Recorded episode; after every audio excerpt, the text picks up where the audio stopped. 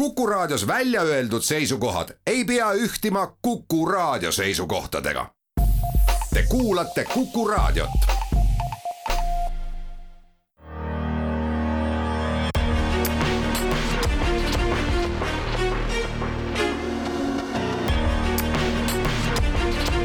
välismääraja. tere pühapäeva keskhommikul, mina olen Neeme Raud. Teil on kellad, mille järgi te elate aga meil on aeg, meil on aega, meie ei pea kiirustama. see mõte kuulub ühele USA vägede poolt Afganistani sõja ajal tabatud Talibani võitlejale, kelle väide osutuski tagantjärele vaadates õigeks. USA-l sai aeg Afganistanis läbi ja Taliban, kes ootas seda lahkumist, on uuesti võimul tagasi CNN meenutas seda mõtet sel nädalal analüüsis, mille pealkiri oli pärast sajandat sõjapäeva loodab Putin maailma ükskõiksusele, Ukraina sõjateemast väsimisele ja tüdinemisele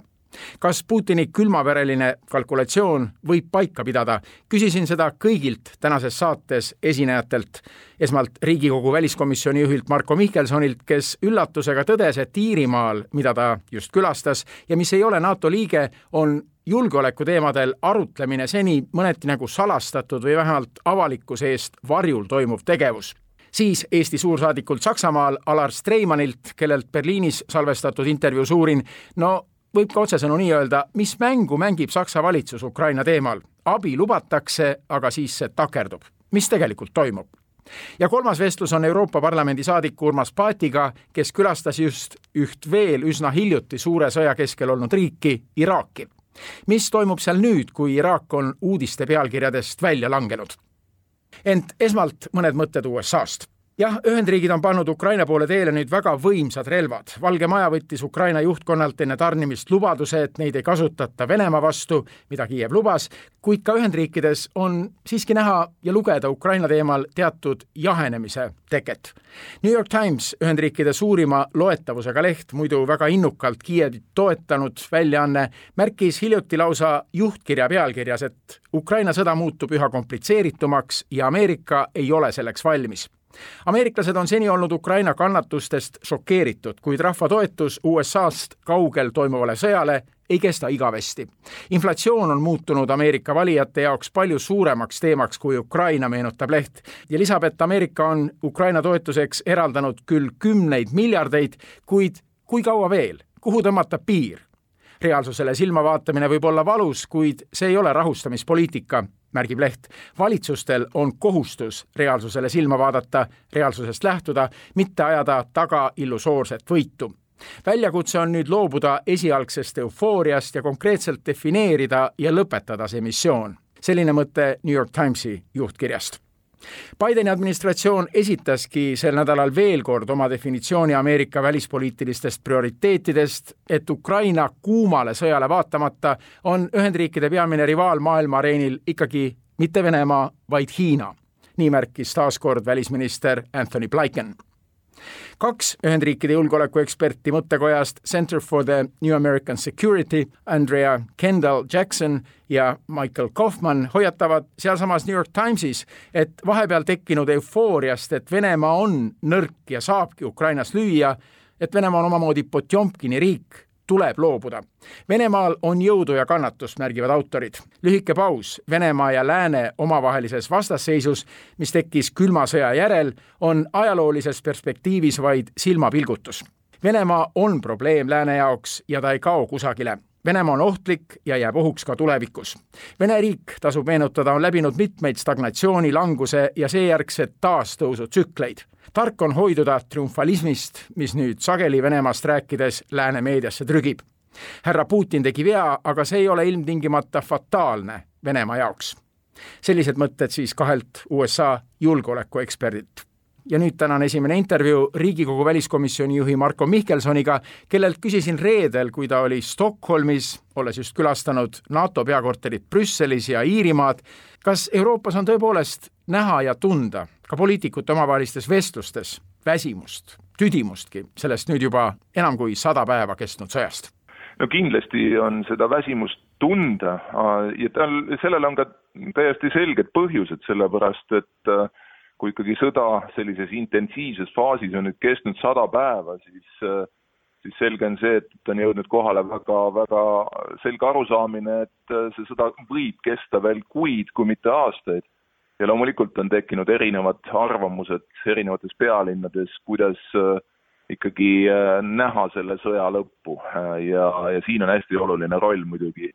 Eestil ja, ja teistel samamoodi mõtlevatel riikidel, kelle meelest on täna hästi oluline, et me ei langeks väsimuse rüppe just nimelt selle mõttes, et, et noh, nii-öelda liigume mingisuguse rahu suunas, mis tegelikult looks Venemaale hoopis uue eelduse uueks sõjaks. sa kirjutasid sel nädalal, milline oleks sinu nägemus sellest sõja lõpust? Jah, ega, ega tegelikult see strateegiline lüüasaamine, mis Venemaa peaks selles sõjas saama, on jagatud arvamus päris paljude poliitikute ja diplomaatide seas. selge on see, et äh, paljud võivad ju küsida, et kui realistlik on ikkagi see, et Ukraina selle sõja võidab, oma territooriumi vabastab, taastab territoriaalse terviklikkuse ja, ja seeläbi loomulikult äh, sunnib Venemaad ikkagi reaalsele kaotusele sellele sõja, selles sõjas, siis äh, siis ma ütleks niiviisi, et äh, väga paljudes pealinnades jagatakse seda mõtet, aga mõtet ennekõike, mis puudutab, et Putin ei tohi selles sõjas võita. aga siis tekivad jah, needsamad äh, nüansid ja, ja küsimused, aga mida tähendaks ikkagi lõppkokkuvõttes Ukraina võit? kõik saavad aru, et Ukrainat tuleb toetada ja Venemaa strateegiline lüüasaamine ilma Ukraina toetuseta pole, pole võimalik, aga, aga hetkel veel ei ole sellist konsensust, mis peaks olema, et mida me teeme, et Venemaa oma käitumisega, oma ähvardustega ei seaks ohtu kogu maailma julgeolekut, Euroopa julgeolekut ennekõike. Ja no sellepärast on loomulikult number üks vaja Ukrainat toetada kõiges, mida ta praegu oma lahingutes vabadussõjas vajab, teiseks, Ukraina tuleb kiirelt ankurdada äh, läänemaailmaga ja selleks on parim viis juunikuisel Euroopa Ülemkogul anda Ukrainale äh, Euroopa Liidu kandidaatriigi staatus, ma ütleks, et Brüsseli kohtumised näitasid, et me oleme sellele sammu võrra lähemal, aga veel ei ole lõplik otsus langenud. Ja, ja kindlasti on hästi oluline ka see, et äh, et näiteks Soome-Rootsi liitumisega NATO-ga ja loodetavasti Türgi vastuseis siin ikkagi taandub Madridi tippkohtumiseks kuu lõpul et see kõik tugevdab ka liitlaste vastupanuvõimet ja heidutusmäära Venemaale, et Venemaal ei tekiks vähimatki tahet ja äh, nii-öelda soovi artikkel viit kusagil testida. aga me peame muidugi aru saama, et äh, et see on kõige ideaalsem lahendus meie jaoks ja et seda saavutada, ehk siis äh, Venemaa, Putini Venemaa strateegilist lüüasaamist, selle nimel tuleb väga palju tööd teha, ennekõike liitlastega. sa oled sel nädalal olnud äh, Stockholmis, räägimegi sinuga seepärast telefoni teel, et, et oled Stockholmis, salvestame selle intervjuu reedel, eile olid NATO peakorteris Brüsselis, aga enne seda olid sa Dublinis ja me ei mõtle sageli sellest, et Iirimaa ei ole oma julgeolekualaseid otsuseid teinudki, nii nagu siin välismäärajas rääkisime mõned nädalad tagasi Austriast, kes ei ole liitunud NATO-ga, ei ole seda teinud ka Iirimaa. mida Iirimaa oma julgeolekust praegu räägib, sa olid just seal väga esinduslikul konverentsil sellest rääkimas ja? jaa, et see on tõesti üllatav ja, ja ka huvitav, et Iirimaal on just, just alanud äh, palju tõsisem julgeolekupoliitiline debatt ja nad ütlevad otse, et äh, nende senine neutraalsus, mis loomulikult on seotud ennekõike Iirimaa ja Suurbritannia suhetega seal sada aastat ja pluss tagasi, siis äh, just äh, kahekümne neljas veebruar on ka olnud nendele pööripäev ja väga palju on neid mõjutanud ka Soome ja Rootsi rahva otsus äh, siis liituda NATO-ga. loomulikult NATO-st räägitakse Iirimaal praegu väga vähe aga ma ütleks niiviisi, aga ka mitte välistavalt. kõige olulisem on see, et, et Iirimaa on aru saanud või Iirimaa ka valitsuse liikmed on aru saanud, et senine kaitsekulutuste määr, mis jookseb seal kaugelt alla ühe protsendi SKP-st, ei ole piisav isegi elementaarsete Iiri kaitseväe ja kaitsevõimekuste üleval hoidmiseks ja, ja seetõttu siin juba lähiajal plaanib ka Iirimaa kahekordistada kaitsekulutused. aga mis on jah, tõesti huvitav, et ka see konverents, kus ma äh, ühe peaesinejana esinesin, siis ka seda kohalikud veel nimetasid justkui nagu äh, salaürituseks, sellepärast et on olnud siiani tabu tõesti julgeolekust rääkida, aga, aga loodetavasti mitte enam ja ja Eesti on Iirimaal väga kõrgelt hinnatud, ennekõike meie enda kogemuse kaudu, mis puudutab küberjulgeolekut, Iirimaa langes eelmisel aastal väga suure küberrünnaku ohvriks, eriti nende tervishoiusüsteem kaotas üle saja miljoni euro selles rünnakus, nii et, et nad on loomulikult praegu väga huvitatud koostööst, koostööst ka Eestiga. Marko Mihkelson, Riigikogu väliskomisjoni esimees, aitäh selle intervjuu eest ja edu siis selles diplomaatias, üle-euroopalises diplomaatias ja ka laiemalt Ameerikas olid hiljaaegu, et rõhutada ikkagi seda, et Ukraina sõda peab olema meil pidevalt päevakorrapunkt number üks mõtetes. aitäh!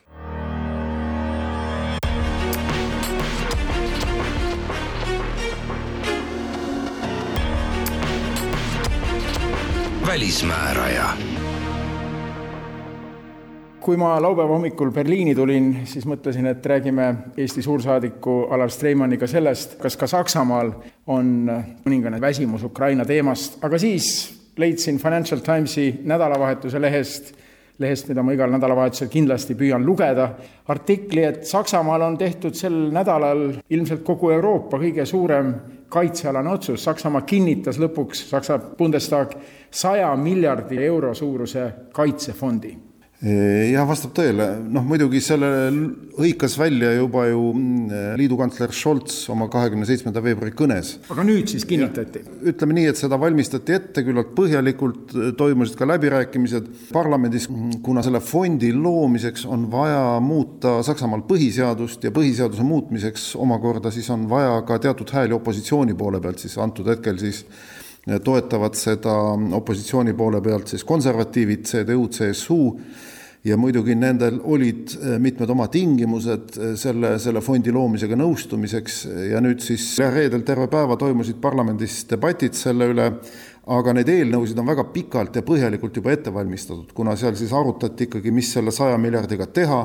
kuidas seda kulutada, kuhu kulutada täpselt, millistesse, milliste, milliste puudujääkide hüvitamiseks Saksa siis sõjalises võimekuses noh, see oligi enam-vähem niimoodi see ajakava mõeldud, et enne suvepuhkuseid püütakse asi lukku lüüa. ja hääletus oli väga muljetavaldava lõpptulemusega, viissada kuuskümmend seitse saadikut hääletas poolt, üheksakümmend kuus vastu, kakskümmend erapooletuks. Eks neid vastuolijaid olid ju ka teada, et seal on niisiis Die Linke vasakpartei inimesi kui ka AfD aga ikkagi jah, praegune valitsuskoalitsiooni parteid, siis äh, sotsialistid, äh, rohelised, liberaalid ja pluss siis opositsioonist konservatiivid olid selle poolt kõik. võib-olla see ei olegi nii väga poliitiliselt selline väga tohutu selline keeruline otsus, sest selles, et Saksamaa kaitsevõime vajab parandamist ja tõstmist, noh, sellel on ju tegelikult kõik ühel nõul ja, ja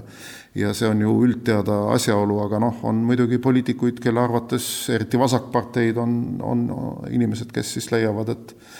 et ikkagi ükskõik mis olukorras äh, igasugune selline kaitseotstarbeline kulutus on, on saatanast, nii et ka selliseid inimesi on parlamendis. aga ikkagi sada miljardit eurot ja see raha laenatakse, kuigi Saksamaal on teada-tuntud laenupidur, et ei tohi eelarvesse raha laenata, aga sel puhul tehakse siis erand. see raha ei lähe eelarvesse päriselt, et see ikkagi tehniliselt luuakse eraldi fond selleks, aga jah, tõepoolest Saksamaal on põhiseaduses ette nähtud eelarve tasakaalu põhimõte ja selleks, et siis äh, teha selle kohta mööndus, on, ongi vaja muuta põhiseadust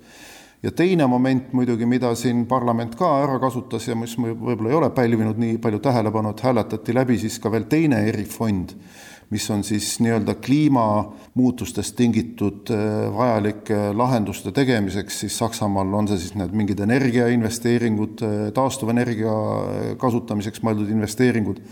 ka selleks luuakse eraldi erifond siis kuuskümmend miljardit eurot. Nii et sellist kaks väga-väga mastaapset otsust tehti reedel. Mis selle saja miljardiga siis nüüd tegema hakatakse, lugesin, et juba on langetatud otsus osta USA-st kolmkümmend viis F kolmkümmend viis tüüpi hävituslennukit, need on muidugi kallid, aga, aga raha on ikkagi palju. no päris detailselt jah, veel seal ei olegi teada, on olemas mõned sellised lekkinud nimekirjad ajakirjandusse, kus siis on ka näha, millistesse suundadesse üldjoontes, milliste võimete arendamiseks Saksamaa siis seda raha tahab kulutada, kõigepealt tuleb öelda, et see sada miljardit on plaanitud ära kulutada siis kusagil nelja-viie aastaga, niimoodi, et, et siis kui praegu on tavaeelarves Saksamaa kaitsekulud kusagil viiskümmend miljardit eurot, siis igal aastal sellest erifondist tuleks umbes kakskümmend miljardit juurde, nii et, et see kogukulu tõuseks siis aastas seitsmekümne miljardi euroni, aga jah, mõningaid hankeid on juba lukku löödud ja need on teada, need on siis tõesti Ameerika hävitajad F kolmkümmend viis, mille üle veel eelmise valitsuse lõpuperioodil oli väga suur vaidlus,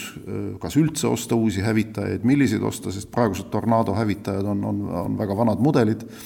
samas on Saksamaal väga oluline roll, et Saksa hävitajad peavad olema võimelised kandma tuuma, tuumarelva, nii et see, see kohe piirab seda võimalikke valikuid. Teiseks on vist, nii palju kui ma aru saan, ära ostetud siis ka Chinook äh, helikopterite, transpordihelikopterite ost, väga palju läheb üldse logistikalahendustele, sest et noh, ütleme niimoodi, et Saksamaal on teatud väga spetsiifiline roll Äh, NATO liitlaste hulgas, äh, kuna nad on väga suur riik, neil on, neil on väga spetsiifilised võimekused, mis nad on siis nii-öelda NATO käsutusse lubanud, mida teistel väiksematel riikidel ei ole, ja siis just eelkõige selliseid võimekusi ilmselt nüüd siis püütakse Saksamaal arendada või siis noh, neid viimaste aastatega tekkinud auke lappida kui liidukantsler räägib sellest, et Saksamaa hakkab kulutama enam kui kaks protsenti oma eelarvest kaitsele, kas see fondi raha tuleb siis ka sellesse summasse või on see veel eraldi? Ei, ei, see on arvestatud ikka koos nende lisakuludega, mida siis on võimalik teha tänu sellele erifondile. no kas ta nüüd on täpselt kaks koma üks või kaks või mis iganes, ma arvan, et see nüüd on puhttehnika küsimus, sõltuvalt sellest, kui palju hankeid suudetakse korraldada ja siis makseid teha igal aastal. aga jah, vähemalt selline poliitiline nägemus on olemas, jah paljude jaoks oli ikkagi hämmastav, kui hakkasid tulema uudised Saksamaa sõjalise võimekuse kohta, et Saksa armee on niivõrd räbalas seisus. No see on olnud jah, aastaid teada ja seda on võib-olla minul natuke raske kommenteerida, et eh, kuidas, kuidas see kõik nii on, on läinud. meil on ju siin tõepoolest eh, tänane opositsioon ehk siis konservatiivid, eh, kes siis on opositsioonipartei, täna oli ju eelmises valitsuses nii-öelda juhi rollis, nende käes oli kaitseministri koht samas oli eelmises valitsuses ka SPD, kes siis on tänases valitsuses ja kelle käes on kantsleri koht. Ja siin on ikkagi aeg-ajalt tekib selliseid vastastikuseid süüdistusi, et kes on siis, kes on siis selle kõik korraldanud või, või miks see nii on läinud.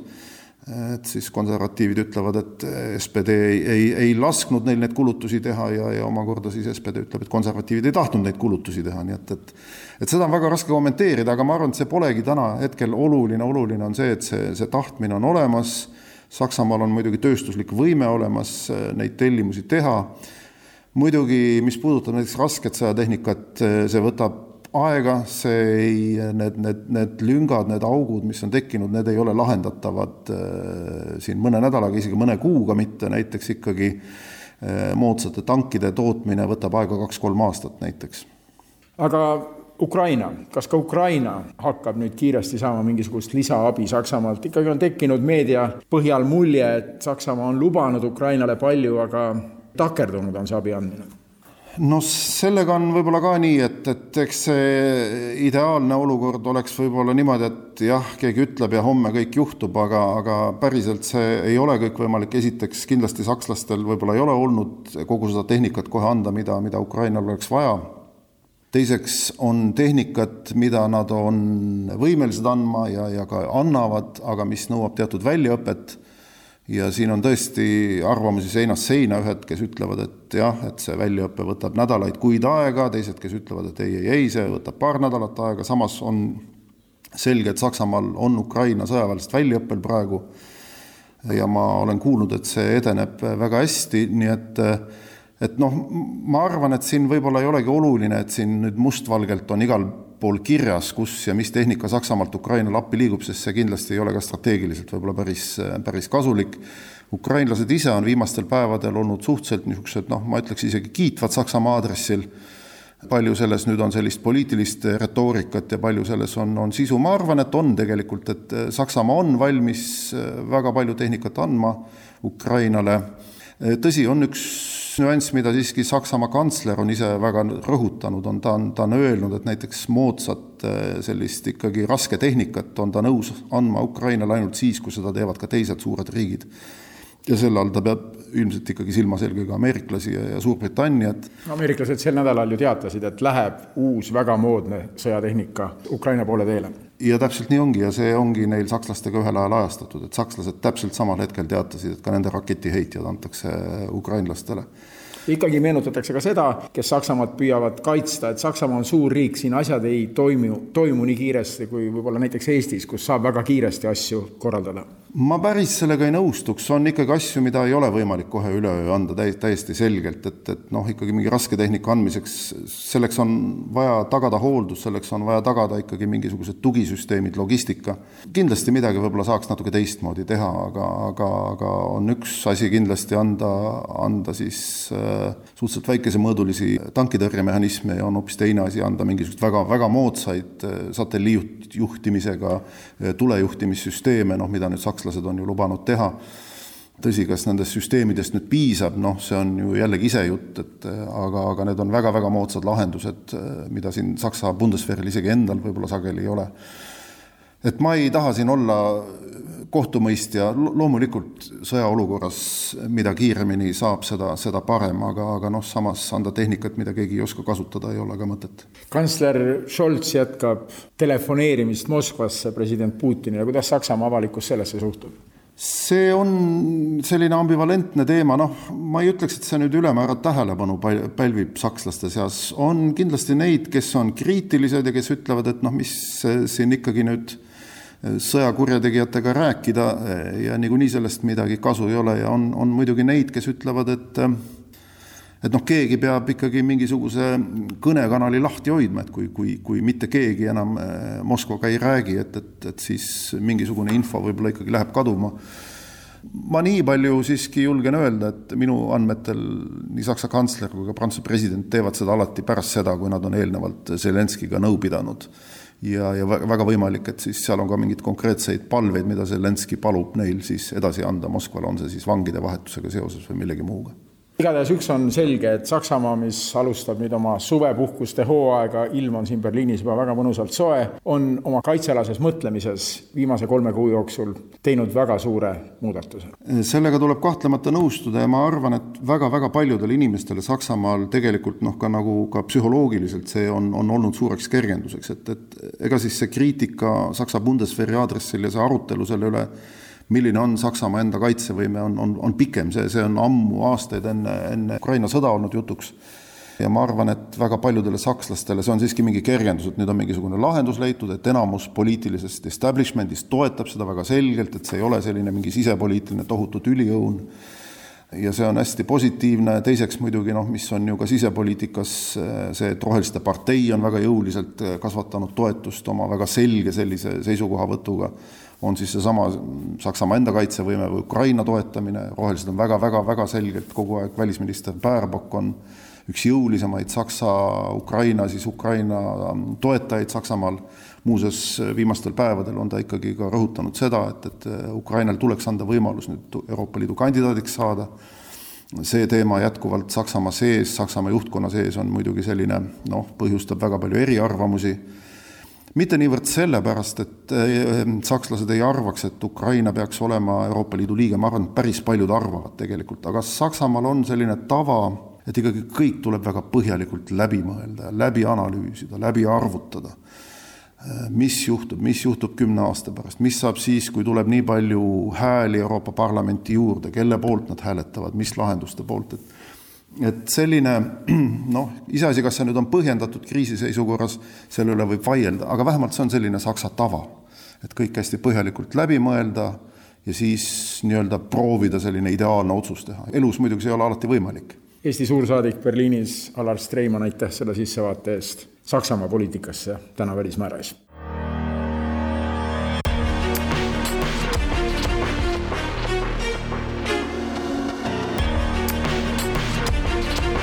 välismääraja. välismääraja järgmine külaline on Euroopa Parlamendi saadik Urmas Paet, kes käis just visiidil Iraagis, riigis, mis suures sõjas taastub. tere hommikust! tervist! enne kui Iraagi praegust seisu kirjeldama hakkame, ka sulle tänase saate läbiv küsimus, kas president Putin on oskuslikult praeguses Ukraina sõjas läänt kurnamas ja läänes ja mujalgi on selles sõjas tekkinudki väsimus, mis tähendab ka Ukraina teemadest eemaldumist? lühike vastus on, et, et muidugi, seda tüdimust kohtab järjest rohkem ka poliitikute seas Lääne-Euroopas ja, ja kui keegi muidugi räägib sellest, et on tekkinud sõjaväsimus kuskil Lääne-Euroopas, siis muidugi see jutt on täiesti kohatu, sest noh, sõjas on Ukraina ja ukrainlased, nii et on väga kentsakas kuulda sõjaväsimusest, ma ei tea, Belgias või, või Portugalis. aga noh, tõsiasi on see, et, et selline rahutus kasvab sellega, et sõda ikka kestab veel ja põhjus on peamiselt majanduslik et eh, need majanduslikud mõjud, eh, mis on ju ka sanktsioonidest tulenevalt ulatumas eh, sanktsioone kehtestavatesse riikidesse ja noh, samuti kõikvõimalikud hinnatõusud, on see energia hind, on see toiduainete hind, et paljuski näidatakse ju põhjusena sellesama sõja peale, et ka see tekitab noh, sellist rahulolematust, nii et, et kahjuks nii on, et aeg noh, nagu võis näha ka kohe selle sõja uue laine puhkedes, ega, ega aeg ei mängi antud juhul kuidagi Ukraina kasuks. et, et noh, Venemaa, kui vaadata ka tema taktikat praegu, et ta on ennast püüdnud kindlustada siis teatud aladel, mida ta tahab jätta enda kontrolli alla ja noh, seal ta siis seda tegevust jätkab, samas kui noh, lääneriikides näiteks on järjest keerulisem sanktsioonides kokku leppida, mida me ju ka värskelt nägime samas sanktsioonid energiasektoris on see, kus liigub jätkuvalt äh, suur raha Venemaale ja noh, niikaua kuni neid piiranguid täielikult nafta- ja gaasisektorile pole kehtestatud, noh, nii kaua ühelt poolt Lääs võib küll öelda, et annab relvaabi Ukrainale, aga teisalt palju suuremad ja kordades suuremad summad liiguvad iga päev Äh, Venemaale energiakandjate ees, nii et ega jah, ütleme sellisel poliitilis-psühholoogilisel tasandil see pilt paremaks äh, kahjuks ei lähe iga päevaga. kuidas sina näed lääne riigijuhtide katseid Putiniga siiski suhelda, kas nii püütaksegi, nagu kardetakse, leida mingeid kompromisslahendusi ja seda Ukraina arvel? No kahjuks jah, kogu see stsenaarium läheb nii, nagu võiski ette näha ja nii, nagu ka mitmete teiste sõdade ja konfliktidega on läinud, et kõigepealt on suur selline entusiasm ja, ja tugevad ja selged positsioonid ja kui see olukord siiski jääb kestma pikemat aega, noh siis kõik see raugeb, et võtame näiteks sõja Süürias, kus samamoodi alguses tehti suuri poliitilisi avaldusi, et Assad peab lahkuma ja jõudma sõjakohtu ette ja mis iganes, noh täna on seis, kus keegi ammu enam sellest ei räägi ja, ja Assad käib tähtsalt ringi näiteks EXPO maailmanäitusel Dubais ja kohtub kõikvõimalike maailma liidritega ja, ja kõik see jutt, mis sõja alguses ja sõja intensiivsetel aegadel oli, on unustatud, nii et noh, risk et, et see foon muutub ka Ukraina puhul muidugi on, on selgelt olemas, noh ainuke on see, et kuna antud juhul on sõda ikkagi Euroopas, et noh, siis see ütleme, lähedusprintsiip on, on siiski teine, aga noh, need telefonikõned, ega keegi ju täpselt ei tea, et, et noh, näiteks prantslased ise ütlevad, et Macron helistab sellepärast, et Ukraina president Zelenskõi palub tal seda teha, noh kui see on nii, siis see on arusaadav, et, et selge, et täna Ukraina presidendil Putiniga otse suhelda on ikkagi äärmiselt keeruline ja kui ta vajab selleks mingite sõnumite edastajaks vahendajat, noh siis see on arusaadav, aga noh, kui palju seal jah, on ütleme siis ukrainlaste palvet ja kui palju on mingisugust oma loomingut, noh seda on raske hinnata, noh kui see on ainult oma looming, siis jah, ma arvan, et see ei ole täna kasuks asjale, kuna need telefonikõned kindlasti ei pane Putinit ja tema režiimi oma Ukraina ambitsioone vähendama, et noh, pigem see jälle legitimiseerib inimest, keda tegelikult ju lääne ühiskonnad peavad sõjakurjategijaks. nii et, et jah, et, et see sõltub sellest, et, et mis mis volitustega antud juhul näiteks Macron ikkagi räägib Putiniga, on seal taga ukrainlaste soov või on see jah, puhtalt oma initsiatiiv? aga mida see kõik tähendab meie jaoks? sada päeva, pisut enam on nüüd sõda kestnud ja on tekkinud selline kerge tüdimus Euroopas mida see tähendab meie jaoks, sina kui Eesti endine välisminister, Euroopa Parlamendi saadik, kõlavad ju jutud, et kui Putin näeb, et see stsenaarium, et ta kurnabki lääne avaliku arvamuse välja selle kestva ja kestva sõjaga, et siis ta saab veel innustust, et alustada ka teisi operatsioone. kui palju me seda peaksime kartma? no see ongi see põhiline risk, on see, et, et kui Venemaa selle suure agressiooni peale ikkagi väga selgelt ei saa lüüa vaid kas see olukord jääb vinduma või siis noh, seda enam, et tal õnnestubki laiendada oma kontrolli all olevat territooriumi Ukrainas ja, ja selline lääne üksmeel ja toetus vaikselt mureneb, et noh, siis ma küll ei näe, et Venemaa muudaks nii-öelda oma neid stsenaariume ja, ja plaane, mida ta on kogu selle viimase paari aastakümne jooksul teinud ehk siis ikkagi samm-sammult taastada oma otsest kontrolli endise Nõukogude Liidu riikide üle, noh ja kui annab, siis muidugi ka läänt kimbutada sealjuures. nii et, et selles osas jah, kui mingit selget lahendust, et Ukraina suudaks taastada kontrolli oma territooriumi üle ja Vene režiim saaks selgelt lüüa, kui seda ei tule, noh siis jah, kahjuks ei ole mingit põhjust arvata, et mõne aasta pärast me ei näe uuesti, pärast seda, kui Venemaa mõnda aega on kosunud jälle mingisugust uut agressiooni, pluss siinjuures on veel ka ohtlik see, et, et minu tunnetus on täna see, et siiski nii mõneski riigis järjest kasvab see arusaam, et kui noh, sõda ükskõik mis kujul peaks lõppema, et siis tegelikult ollakse valmis taastama Venemaaga suhted, mis olid enne sõda. aga noh, see on ka põhimõtteliselt väga vale lähenemine, sest kui režiim Venemaal jääb samaks siia ja räägitakse sõjakuritegudest, räägitakse genotsiidist, rääkimata sellest, et üldse äh, Venemaa, eks ole, läheb kallale jõuga oma naaberriigile. ja kui sa siis äh, ütled, et sõda lõppes ära, et nüüd on meil võimalik minna nii-öelda tavapärase suhtluse, tavapäraste majandussuhete juurde, noh siis see on veel omakorda selline väga ohtlik areng tuleviku vaates, aga noh, seda kirge või seda soovi ma ka tunnetan järjest rohkem täna mitmetes riikides, kus noh, tahetakse, et sõda lõpeks, et siis on võimalik noh, nii-öelda pöörduda vanade näiteks majandussuhete juurde tagasi. kas ja kui palju jälgitakse Ukraina sõda Iraagis? ja ikka jälgitakse jah, et äh, et, et noh, eks üks põhjus on ju ka see, et äh, Venemaa ka sellest regioonist ei ole väga kaugel, ehk naaberriigis Süürias, millest toimuva mõjud ju Iraagile on olnud väga tugevad ja on ka siiamaani, ja Venemaa kohalolek on olnud seal väga, väga selge ja väga agressiivne noh, teiseks eh, ka seesama ikkagi toiduteema, ka naftahindade teema, kuna Iraak on suur nafta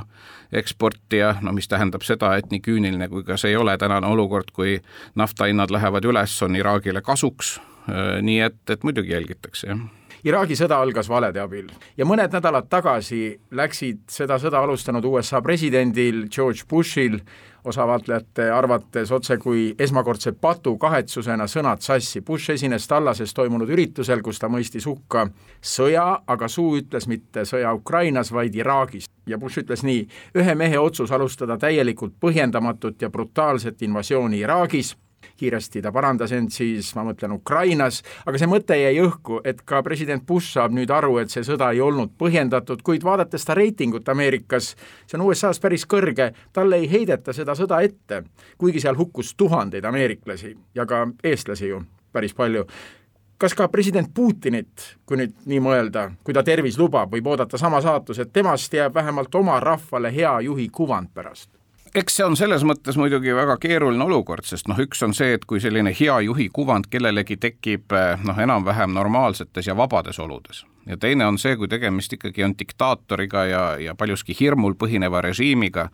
et siis see kuvand on ju esiteks ilmselgelt moonutatud ja, ja ka inimeste hoiak on moonutatud. Nii et noh, kui me vaatame kas või Venemaad või endist Nõukogude Liitu, et siis muidugi ka täna on Venemaal käputäis inimesi jätkuvalt, kes arvavad, et Stalin oli suur juht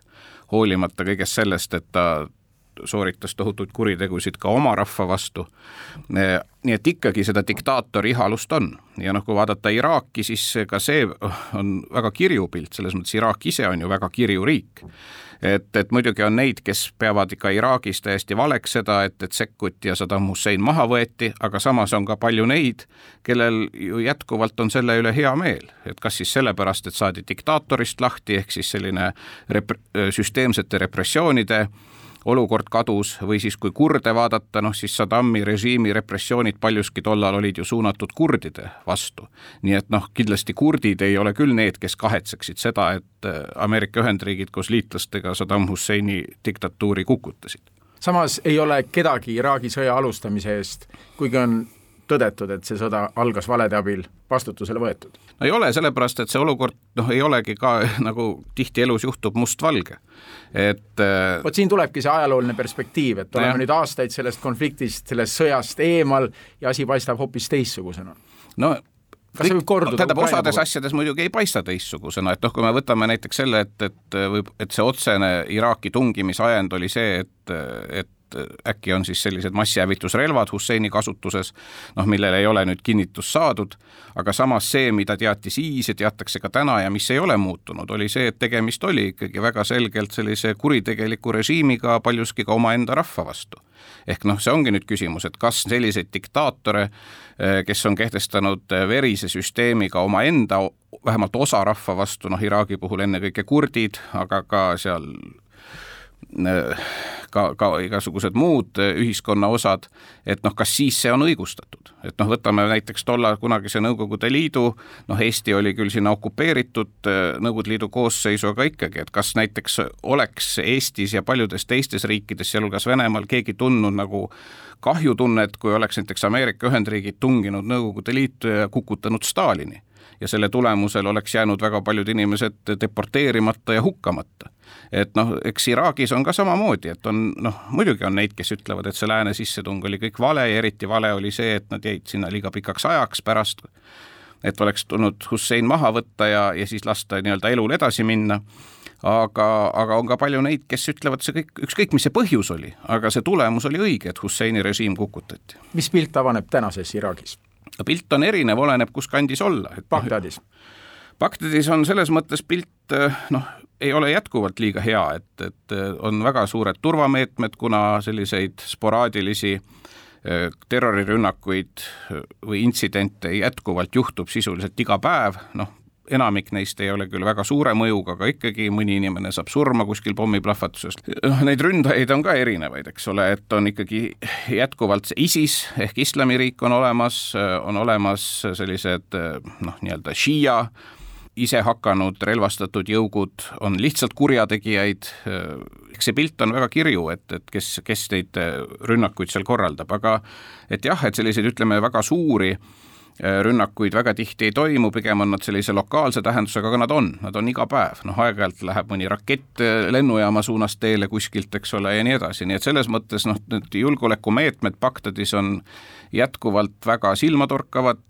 linn on täis relvastatud sõdurite kontrollpunkte, noh, keskosa, nii-öelda roheline tsoon on jätkuvalt väga karmi kontrolli all, kuhu kohalikel inimestel ilma eriloata üldse asja ei ole, noh, see on piirkond siis, kus asuvad peamiselt välisriikide saatkonnad ja Iraagi enda valitsusasutused nii et, et see on üks ja noh, teine, mis nagu kogu ühiskonda mõjutab, on see, et hoolimata sellest, et potentsiaalselt see riik on ju päris rikas, arvestades nafta ja gaasi suuri varusid ja hinnatõusu, noh siis sellest rahast palju ühiskonda tagasi ei jõua, ehk ikkagi korruptsioonimäär ühiskonnas on, on väga suur ja noh, see muidugi sööb väga kõvasti seda riiki jätkuvalt ka seestpoolt. aga pilt, mis avaneb Bagdadis näiteks, Bagdad, see Lähis-Ida kunagine võimas linn no pilt on nukker, noh esiteks muideks üks muudatus veel, mis on siin eriti sellel aastal väga kõvasti äh, siis mõjutamas sealset elu, on see, et on väga tihti sel aastal olnud liivatorme. Äh, ja noh, see on ikkagi liivatorm, minagi, kui ma saabusin Bagdadisse, siis öel-, anti liivatormi hoiatus ja tõepoolest, kui ma hommikul hotelli, siis oli kaheksandal korrusel, aknast välja vaatasin, ei olnud midagi näha, kõik oli tumekollane. ehk need liivatormid on sisuliselt nüüd olnud peaaegu iga nädal ja noh, see ikkagi halvab jälle ära konkreetse linna, antud juhul Bagdadi suure linna tegevuse noh, kogu selleks ajaks, kui see torm on, sest noh, kui sa midagi ei näe, siis inimestel palutakse jääda koju, kuulutatakse välja vaba päev ametlikult ja, ja noh, kui neid saab olema väga tihti ja see rütm on häiritud, noh siis see on veel omakorda. majandus seisab? majandus seisab ja see on ka häire sellest, et seesama kliimamuutuste mõjuks hindavad nad seda ise koha peal, et kõrbestumine on nii intensiivne ja kõik need liivatormid, mis siis liiguvad, nii et noh, see on veel selline lisahäda, aga noh, linn näebki välja väga tolmune just nende samade liivatormide tõttu, et niisugune nukker ja hall, noh jätkuvalt on ju pole, noh, ütleme uusehitisi Bagdadis on ikkagi väga napilt, sest see keskkond ei ole veel selline, kuhu väga tahetakse investeerida ja, ja tulla oma, oma raha sinna paigutama, nii et üldiselt see on väga nukker, mis on oluliselt erinev näiteks Iraagi Kurdistanist ja selle pealinnast Erbilist, kus ma ka käisin. seal on linn on kraanasid ja uusehitusi täis, ehk kuna Kurdistanil on täna väga suur siis ka praktiline autonoomia,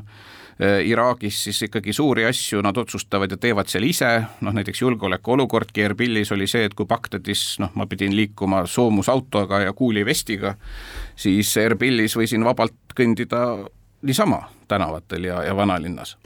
Et see julgeolekuolukord on totaalselt erinev, sest noh, Kurdist, Iraagi Kurdistanis kogu seda olukorda siis kontrollib kohalik peshmerga ehk sõjavägi ja, ja politsei ja, ja noh, seal on perspektiivi, näiteks Erbili lendavad täna isegi lääne lennufirmad nagu Lufthansa ja, ja Austrian Airlines, mis ei lenda Bagdadisse näiteks.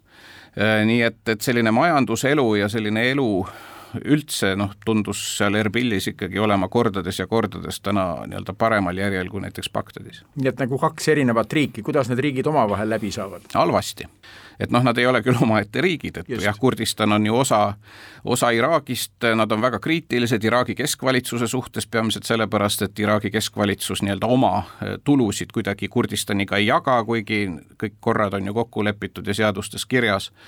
ja noh, neil siis justkui ei olegi jäänud muud üle, kui nii-öelda iseseisvalt üritada asjadega hakkama saada. ja noh, julgeolekuolukord muidugi on ka seal väga kehv, sest noh, näiteks äh, selle Kurdistani siis põhiosa ja, ja muu Iraagi vahel on selline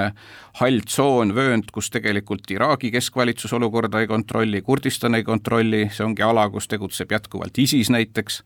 ja muud äh, sellised äärmusorganisatsioonid. nii et noh, üks, mida ikkagi nii Kurdistani kui Bagdadi poole pealt öeldi, et noh, maanteedel liikumine riigis näiteks on jätkuvalt väga ohtlik, et noh, seal on igasuguseid tegelasi, kes siis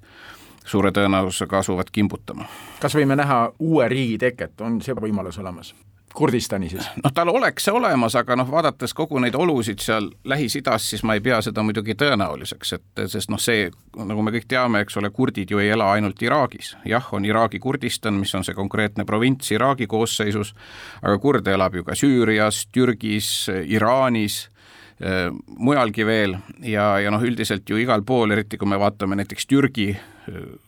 ja võitlus siis kurdi tööparteiga, mis isegi on ju takistuseks praegu NATO laienemisele, et noh, siis need piirkonnas neid riike, kes näeksid, et Kurdistanis tekiks mingi oma riik, neid kindlasti ei ole. et see naabrus selles mõttes on harukordselt kehv äh, nii Iraagil tervikuna kui Kurdistanil, kui sul on ühel pool Iraan, kes soovib näha, et kogu see Iraak oleks maksimaalselt nõrk ja, ja sekkub igal võimalikul moel, teisel pool on Süüria kus jätkuvalt Põhja-Süürias, eks ole, on või ei ole olukord kontrolli all, kus on ka suured eh, siis äärmuslaste kinnipidamislaagrid, pole teada, mis veel nende inimestega saab, kuhu nad liiguvad, mis nendega tehakse. noh, siis on Türgi, eks ole, kes võitleb Kurdistani siis tööparteiga, nii et üldiselt ega see keskkond ei ole seal selline toetav ja sõbralik, vastupidi. et ikkagi naabrite huvides on täna näha, et Iraak ja sealhulgas ka Iraagi Kurdistan noh, oleksid ikkagi võimalikult häiritud ja nõrgad sa olid Iraagis Euroopa Parlamendi delegatsiooni liikmena, kas Euroopa Liit aitab nüüd Iraaki väga oluliselt ka ülesehitamisel ja mis summadest me siin räägime? jah, et äh, tegutseb Iraagis siis ka Euroopa Liidu selline tsiviilmissioon, mille ülesanne ongi ühelt poolt anda nii-öelda väljaõpet äh, siis nendele harudele Iraagi administratsioonis, kes seda soovivad või kus seda võiks vaja olla ja noh, antakse muidugi ka rahalist abi et noh, need summad, ma arvan, suures pildis ei ole teab mis väga suured, aga noh, see et Euroopa ei ole võtnud omale kohustust see riik nüüd ka jalule aidata, nagu Euroopa ikkagi vahel maailmas teeb? ma arvan, et natukene seda idealismi seal on, ennekõike selle tsiviilmissiooni kaudu, kuigi sellega on ka täpselt nii, et et sa võid ju seda kõike õpetada ja, ja viisakalt ja tänulikult kuulatakse ära, aga kõik ikkagi algab ja lõpeb sellest, kas on ka tegelikku tahet selles ühiskonnas neid muudatusi teha noh, täna jätkuvalt kahjuks paistab, et seda tahet napib just sellesama tohutu suure korruptsiooni tõttu, et et, et ikkagi noh, ei ole väga suurt kirge muuta näiteks avalikku sektorit läbipaistvamaks ja, ja selgemaks ja et, et seda korruptsiooni vähendada, kuna noh, väga paljud kõik osalevad ise selles üht või teistpidi. nii et, et see on võib-olla kogu selle abistamise kõige nõrgem külg, et, et kui palju tegelikult tahetakse ka tegelikult oma, oma riiki või ühiskonda muuta just nende inimeste poolt, kes seal on täna, eks ole, võimul või üldse siis ühiskonna näiteks poliitilises või ka majanduslikus eliidis. et jälle tunnetuslikult võib-olla Kurdistani piirkonnas on see nagu mänguruum suurem, aga noh, Bagdadis ei ole see hetkel küll täna veel nagu liiga helge. Välismääraja stuudios oli Euroopa Parlamendi saadik Urmas Paet ja tänane saade ongi kuulatud, mina olen Neeme Raud, peatse jälle kuulmiseni.